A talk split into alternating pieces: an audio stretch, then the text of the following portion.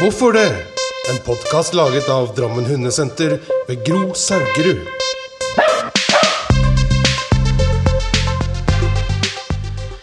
Dagens podkast har som gjest Anna Bjørgaard Compton fra Dyreatferdssenteret. Etolog og atferdskonsulent. Vi har jo kjent hverandre litt, Anna. Altså, alle jeg har i denne podkasten, kjenner jeg jo. og det, og det, det syns jo jeg er veldig koselig. Og det temaet som vi skal snakke om nå, har jeg gleda meg veldig til. For det berører så innmari mange, og det er problemhunden. Er det riktig å liksom Er det et greit ord å si problemhunden? Ja, det her med ord er jo veldig spesielt. Mm. Jeg er veldig opptatt av at vi definerer det vi sier. Fordi at hvis du sier problemhund, og jeg sier problemhund, så kan jeg se for meg en chihuahua som drar i bånd, og du ser for deg en sch- schæfer som spiser en chihuahua. Mm. Så en problemhund kan være så utrolig mangt. Så jeg tenker at ja, det kan hjelpe oss å snakke om problemhunden som et begrep, men det forklarer meg ikke noe, forteller meg ikke noe når du sier det. Nei. Så kanskje det er lettere å forklare det du faktisk ser foran deg. Mm. Men som fagperson, hvilket begrep bruker dere da? Er det problemhunden, eller er det, har dere et annet begrep? Jeg bruker ofte det begrepet som eier bruker når de møter meg. Ja. Så hvis de sier at eh, jeg har problemer med hunden min, så sier jeg ok, så det er tungt å høre, på en måte. Kan du fortelle meg hvordan det problemet ser ut? Ja. Jeg ønsker beskrivelsen. Ja. Så hvis du skal få hjelp med et problem, så må jeg også vite mer enn at han drar i båndet. Når drar han i båndet? Hvor drar han mot? Under hvilke situasjoner? Så beskrivelser har så mye mer effekt enn eh, det vi kaller labels. Så det her å sette navn på ting ofte gjør at vi ikke går i dybden på hva det er, og da mister vi veldig mye. Mm. Og I tillegg så har vi jo med forskjellen er det et problem for hunden, eller er det et problem for eieren.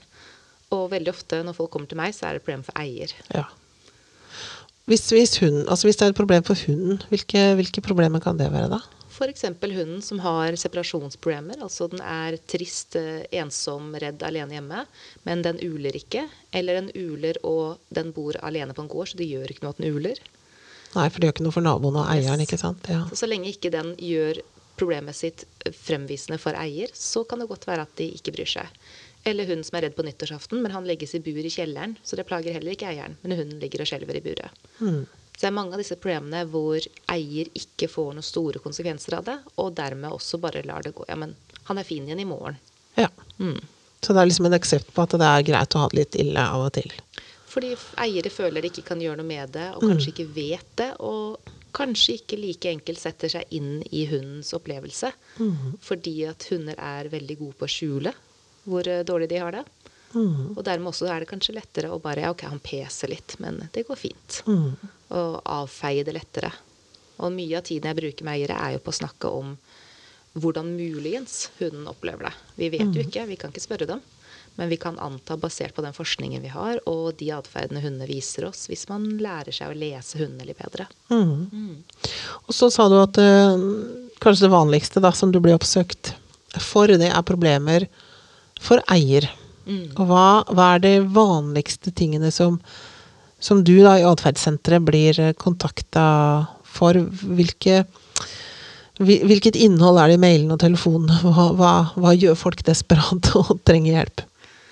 Eh, nordmenn er veldig glad i å gå tur. Mm. Og det å gå tur blir veldig slitsomt når hunden kaster seg ut i båndet, drar seg etter biler, sykler, mennesker, hunder.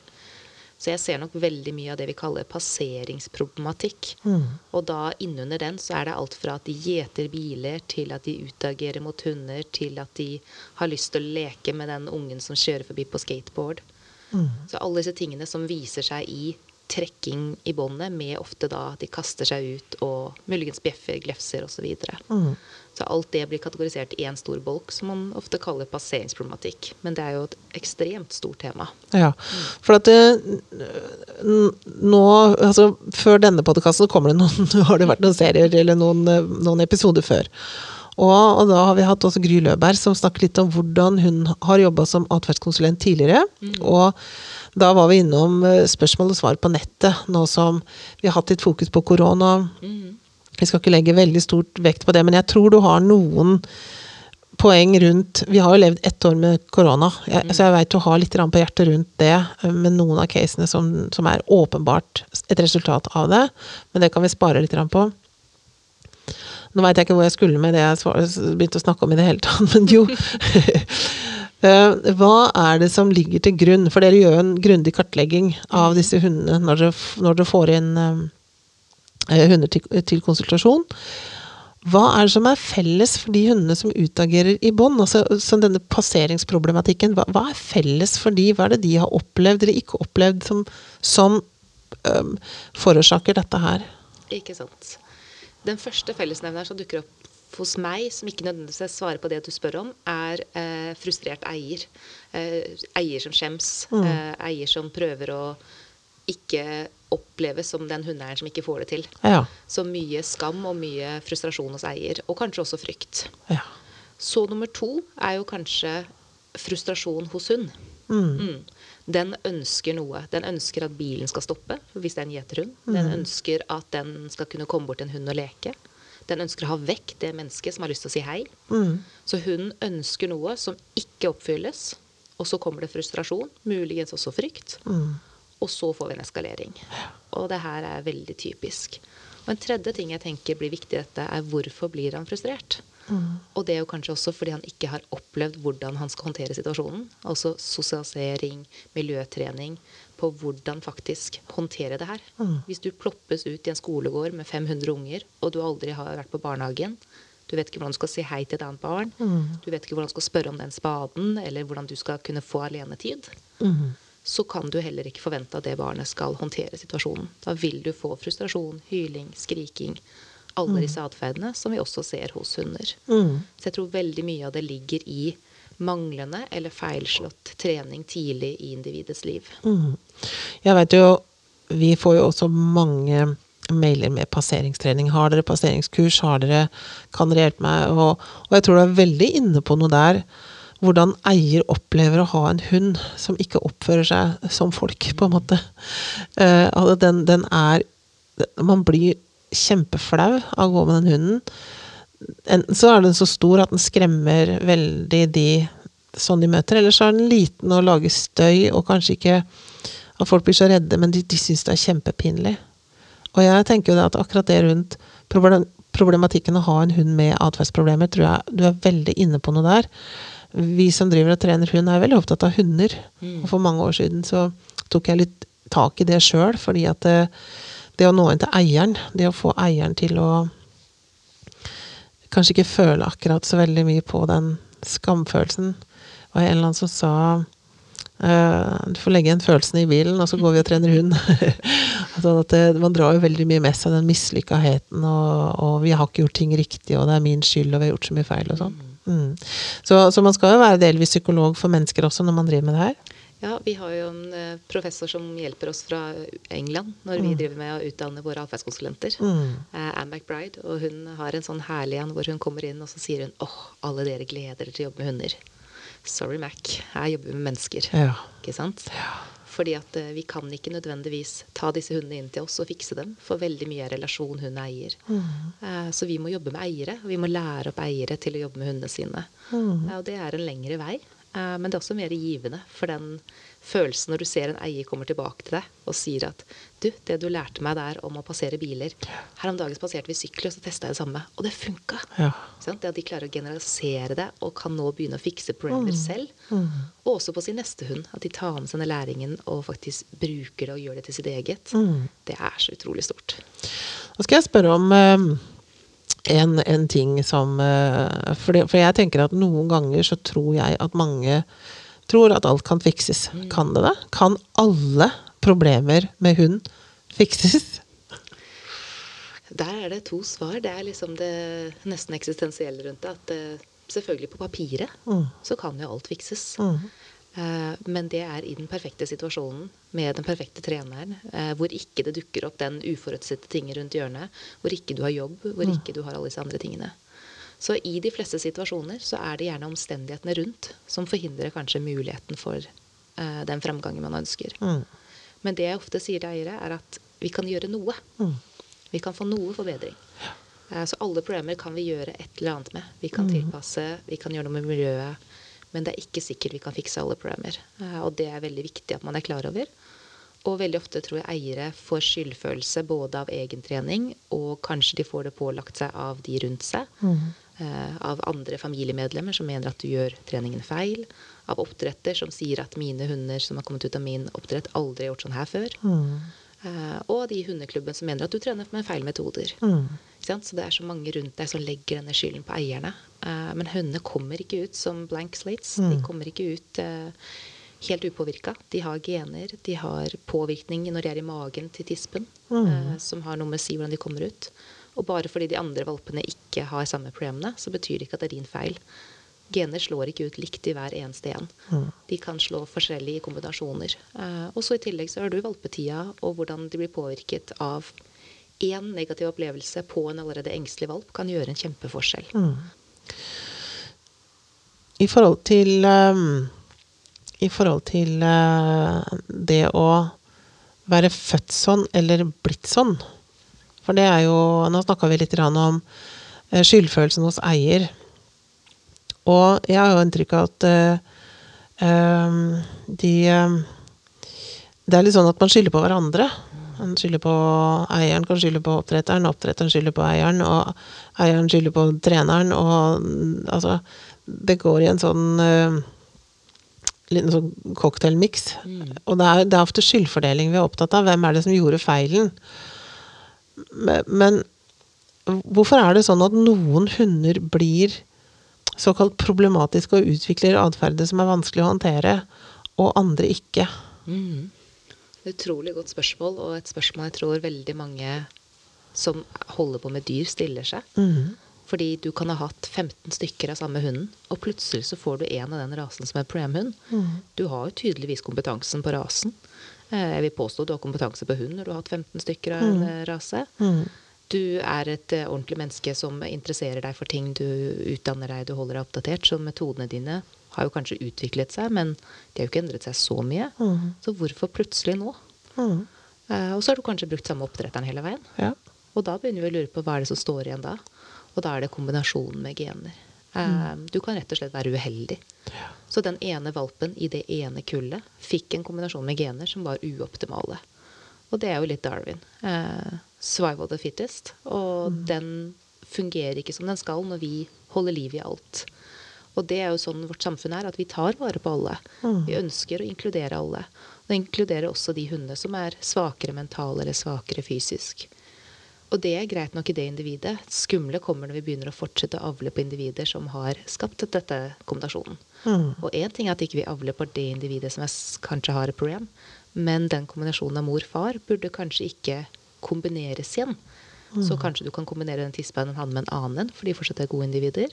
Men jeg tror det er for lite fokus på å se bredere på avlen. Og vi har også endret fokuset vårt fra bruksdyr til selskapsdyr. Og i den så tror jeg det har skjedd noe også. jeg, jeg tenker jo eh, Jeg tenker ganske mye rundt det. Jeg har jo sett det her gjennom mange år og lurt på hvorfor er det det blir sånn. Hvorfor, hvorfor er det så store variasjoner innen rasen, eh, innen arten eller innen, innen hund? Um, og, og alle vil jo det samme, mer eller mindre, da. Hvis, altså, noen vil jo ha en, en redningshund som, som deg, eller, eller de vil ha eh, en, en annen sportshund. Men, og alle vil jo ha en god familiehund. Er det noen raser, da, som er eh, det her, Jeg vet det er litt sånn farlig spørsmål, fordi at man stigmatiserer plutselig noen, men er det noen type arbeidsgruppe da, av hunder, eller rasegrupper, hvis man skal, ikke skal eh, peke på akkurat uh, en rase, men hvilke, hvilke hunder er det som er høy, representert som, som såkalte problemhunder? Hvil, hvilke hunder, hundetyper er det som folk syns er vanskeligst? Jeg trodde når jeg begynte med dette, at jeg ville se veldig spesifikt sånne ting. At det er den rasen, det er den på en måte linjen, og vi ville se de samme igjen og igjen. Eh, Det er klart at man ser noen tendenser. Eh, Nå har ikke vi kjørt noen statistikk på våre konstellasjoner på lenge. Men det kan være i perioder man ser at et problem dukker opp på en rase. Eh, Jeg har sett en gjeterhundrase for tiden som vi har sett en veldig merkelig ekstremvariant av ressursforsvar. Typ sånn fra de er åtte uker så kan de angripe eieren for at de mister en penn på gulvet. Sånn helt ut av det blå, uh, unormalt heftig uh, ressursforsvar. ressursforsvar. Um, og da begynner man jo å tenke at det ligger noe på linjene. Eh, og det er jo egentlig opprinnelig en arbeidshund, en gjeterhund. Um, og som da har blitt avlet Denne rasen har blitt avlet en del for utseendet sitt. Fordi de er vakre å se på, og folk liker å ha den ene spesielle hunden. Og der tror jeg kanskje noe av problemet vårt kommer. Jeg tror det er mange ting som spiller inn her, og det er lett å feste seg ved én. Men dette er en av de som har slått meg, og det er vårt fokus på å ha den spesielle hunden. Jeg skal ha den med blå øyne, eller den som har flekkete pels, eller den som har lengst pels. Det er her å ønske de ekstremvariantene. Alle skal ha den litt eksepsjonelle hunden. Så den helt midt på tre vanlige, fine hunden i midten av flokken, den er det ingen som plukker. Og det er heller ikke den som blir avla på. Så ved å avle på ekstremvarianter, så får vi med oss veldig mye annet. Ja. For i en ekstremvariant så vil man jo kunne anta at det også er andre variasjoner i genene. Og dermed også begynner vi kanskje å flytte oss litt vekk fra det som er normalt innad i den rasen. Mm. Nå må de tilgi oss, de som hører på det her og blir nysgjerrige på, på hvilke gjeterhund det her er. Men det er en grunn til at jeg ville at vi skulle ta det Mm. eh, litt generelt. Fordi at eh, mange raser er allerede belasta. Eh, og så sier vi det er den som er sånn, og den som er slik. Og så, så det har vi ikke lyst til. Det er bare vår opplevelse av det. Ikke sant? Det er de, Ja. det jeg har sett. Så Ja. kan det godt være andre har sett andre ting. Ja. Så jeg tenker at det, det hjelper ikke folk å få rasenavnet, mm. men det hjelper å bli bevisst på at man kanskje må titte bredere. Man må se på disse tingene, eh, sånn at man blir mer klar over hva man får med seg. Og hvis folk kanskje hadde tenkt mer på hva de skal ha hunden til, så tror jeg mye hadde hjulpet. Ja, for de kjøper kanskje et utseende. Igjen uh, Eller familiaritet. At de kjøper en hund de kjenner, eller en rase. Ja. Naboen min hadde sånn hund, og den var så fin, den hunden. Ja, det jeg ønska meg hele livet. Nå skal Ja. jeg ha en sånn. Vi har jo veldig mange ulike jeg, altså jeg spør jo alltid når vi har valpekurs. Vi liksom får dem jo helt, helt i starten. Eh, hvordan er det å være hundeeier for deg akkurat nå? Hva er målet med hundeholdet om et år? Når du kan lene deg tilbake og si 'nå fikk jeg liksom bestekompisen'. Um, og veldig mange har jo tanker om hva de skal, skal bruke hunden til en gang i framtida, men, men eh, de har ikke noe kunnskap om hvordan de skal komme dit. De har bare en idé om at det kunne vært ålreit. Vi har kjøpt oss en jakthund, men det er ingen av oss som jakter. Men vi, vi har tenkt å begynne med det. Og møter jeg de noen år etterpå, så er de fortsatt der, da. Um, og det er kanskje litt av problemet, at man da kjøper en hund som man også har ambisjoner for. Livet mitt skal bli sånn når jeg får den hunden. Denne hunden skal føre til at nå skal jeg begynne å trene, og nå skal jeg begynne å gjøre dette. Og så skjer ikke det, og det tenker jeg også kan være en, et lite sånn grobunn for kommende problemer. Fordi at eh, jeg har kjøpt en hund som har større behov enn det jeg sjøl klarer å, å, å tilfredsstille. Er jeg helt på viddene når jeg tenker så folkelig, eller er jeg inne på noe? Jeg tror du er inne på noe, og jeg tror det kanskje ligger litt i vår natur. For det gjelder ikke bare hunder. Eh, hvis jeg bare venter til mandag, da kan jeg begynne. Og hvis jeg bare får det utstyret, da kan jeg begynne. Dette gjelder ikke bare hund, dette gjelder jobb, fritid, familie, alt. Eh, folk har en tendens til å alltid se det neste skrittet. Hvis jeg bare får det, så blir jeg lykkelig, eller så får jeg til dette, eller så kan jeg begynne dette. Så hvis jeg skaffer meg en jakthund, da kan jeg begynne å jakte. Eh, Jeg vet at f.eks. i redningshundtrening i England så pleier jeg nå skal du ikke ta meg helt på ordet, men jeg lurer på om det er ett eller to år de må gå som type praktikant og følge redningshundekvipasjer før de får begynne å trene egen hund som redningshund. Og det er en interessant tanke, fordi at da får du virkelig sett mengden arbeid. Du får virkelig sett de forskjellige rasene i bruk. Og den fancy mallen som løp kjempefort, var kanskje ikke den som passet inn i ditt liv i tillegg. For du da i løpet av den tiden ser de andre siden ved den rasen også. Og kanskje du faller på en annen type rase som passer ditt liv bedre. Mm. hvis du bare ser glimtene der hunden er på sitt beste, så er det lett å la seg eh, bli fascinert, og det er det jeg vil ha. Og så ser du ikke alle de timene som ligger bak, og alle de problemene som kommer med på kjøpet. For mange av oss er villige til å kjøpe det. Vi sier at ok, jeg vil ha den ekstreme konkurransehunden, arbeidshunden. Jeg vet at det betyr da kan ikke han være med på julaften. Den hunden må jeg ha hjemme, og jeg må dra hjem tidlig fra julaften for å kunne være sammen med hunden min istedenfor å ta den med på familieselskap. Ja, for den, kommer, den nei, for den kommer ikke til å ligge rolig Og den vil ikke slappe trives. Mm, han vil være på jobb og gjete alle barna som løper rundt. Mm. Eh, kanskje du er heldig og får den ene som ikke gjør det, men du kan ikke gå ut ifra at du får den som gjør det. Mm. Mm. Det er mye å tenke på. Ja. Nå hadde jeg egentlig tenkt at vi ikke skulle snakke noe korona. Det tror jeg ikke klarer å unngå. Nei, fordi at eh, en annen ting som også i dette året, da, Mm. eh, som eh, Det er jo nå snakker vi litt om rasevalg og, og, og det vil ha en høyenergisk hund eh, til en del av livet, men så får man kanskje ikke den passive delen til den andre delen av livet. ikke sant? Sånn at den hunden vil kanskje ikke passe inn hele tiden. Og man må gjøre tilpasninger og sier at jeg er villig til å ta kostnaden. Jeg skal ha denne yrkeshunden, men da er det andre ting den ikke kan. Som jeg ikke kan beregne at den hunden får, får ta del i. Uh, og så tenker jeg nå under koronatida at, uh, at uh, nå er det jo ikke valper å oppdrive. Så nå begynner man å kjøpe hunder som er tilgjengelige. Mm. Hva tror du, hva tror du kommer til å skje? Du er glad i vepsebol. Ja. Ehm, jeg tror aldri det er fornuftig å senke på kravene sine. Mm. Eh, Jeg tror at det er veldig viktig at man bruker tid, finner riktig oppdretter, finner riktig kombinasjon for seg selv, og står på den ventelista. Det er kjedelig å ta de to årene på den ventelista når du vil ha hund i dag. Mm. Men du skal ha denne hunden i forhåpentligvis både 10 og 15 år. Og da er de to årene greit å vente. Um, det å kjøpe deg den hunden som gjør at du får ti år med å måtte se rundt hvert hushjørne før du går rundt det. Alltid måtte ha bånd på hunden din. Alltid måtte ha hjertet litt i halsen. Må tenke før det kommer et barn løpende inn i huset ditt. Har jeg kjøttben liggende framme? Kommer hunden min til å reagere? Selv om du har trent på det, selv om du har fått hjelp, så kanskje hele tiden så ligger den i bakhodet ditt, for du har sett hva hunden din har gjort én gang. Du har sett tendensene. Um, det er ikke verdt det, hvis du spør meg. Jeg tror veldig mange, hvis de hadde fått velge på nytt, hadde ventet den ekstra tiden for å få den hunden som passer dem. Nå tenker jeg, når vi sitter og snakker om problemhunder Altså, vi er jo ekstremt opptatt av trening og hund og hundeeier og hele, hele pakka. Vi har jo hunder sjøl, vi har hatt det hele livet. Um, og så prøv, og så, hver gang jeg snakker om problemhunder, så, så så nedsnakker jeg litt hunden, da. Fordi at det, vi har sett det. Ja. Vi har sett hva, de, hva det er, hva hun er i stand til å gjøre. Hvordan dette påvirker livet. Og så er det jo selvfølgelig ikke en, alle hunder som blir, uh, blir sånn.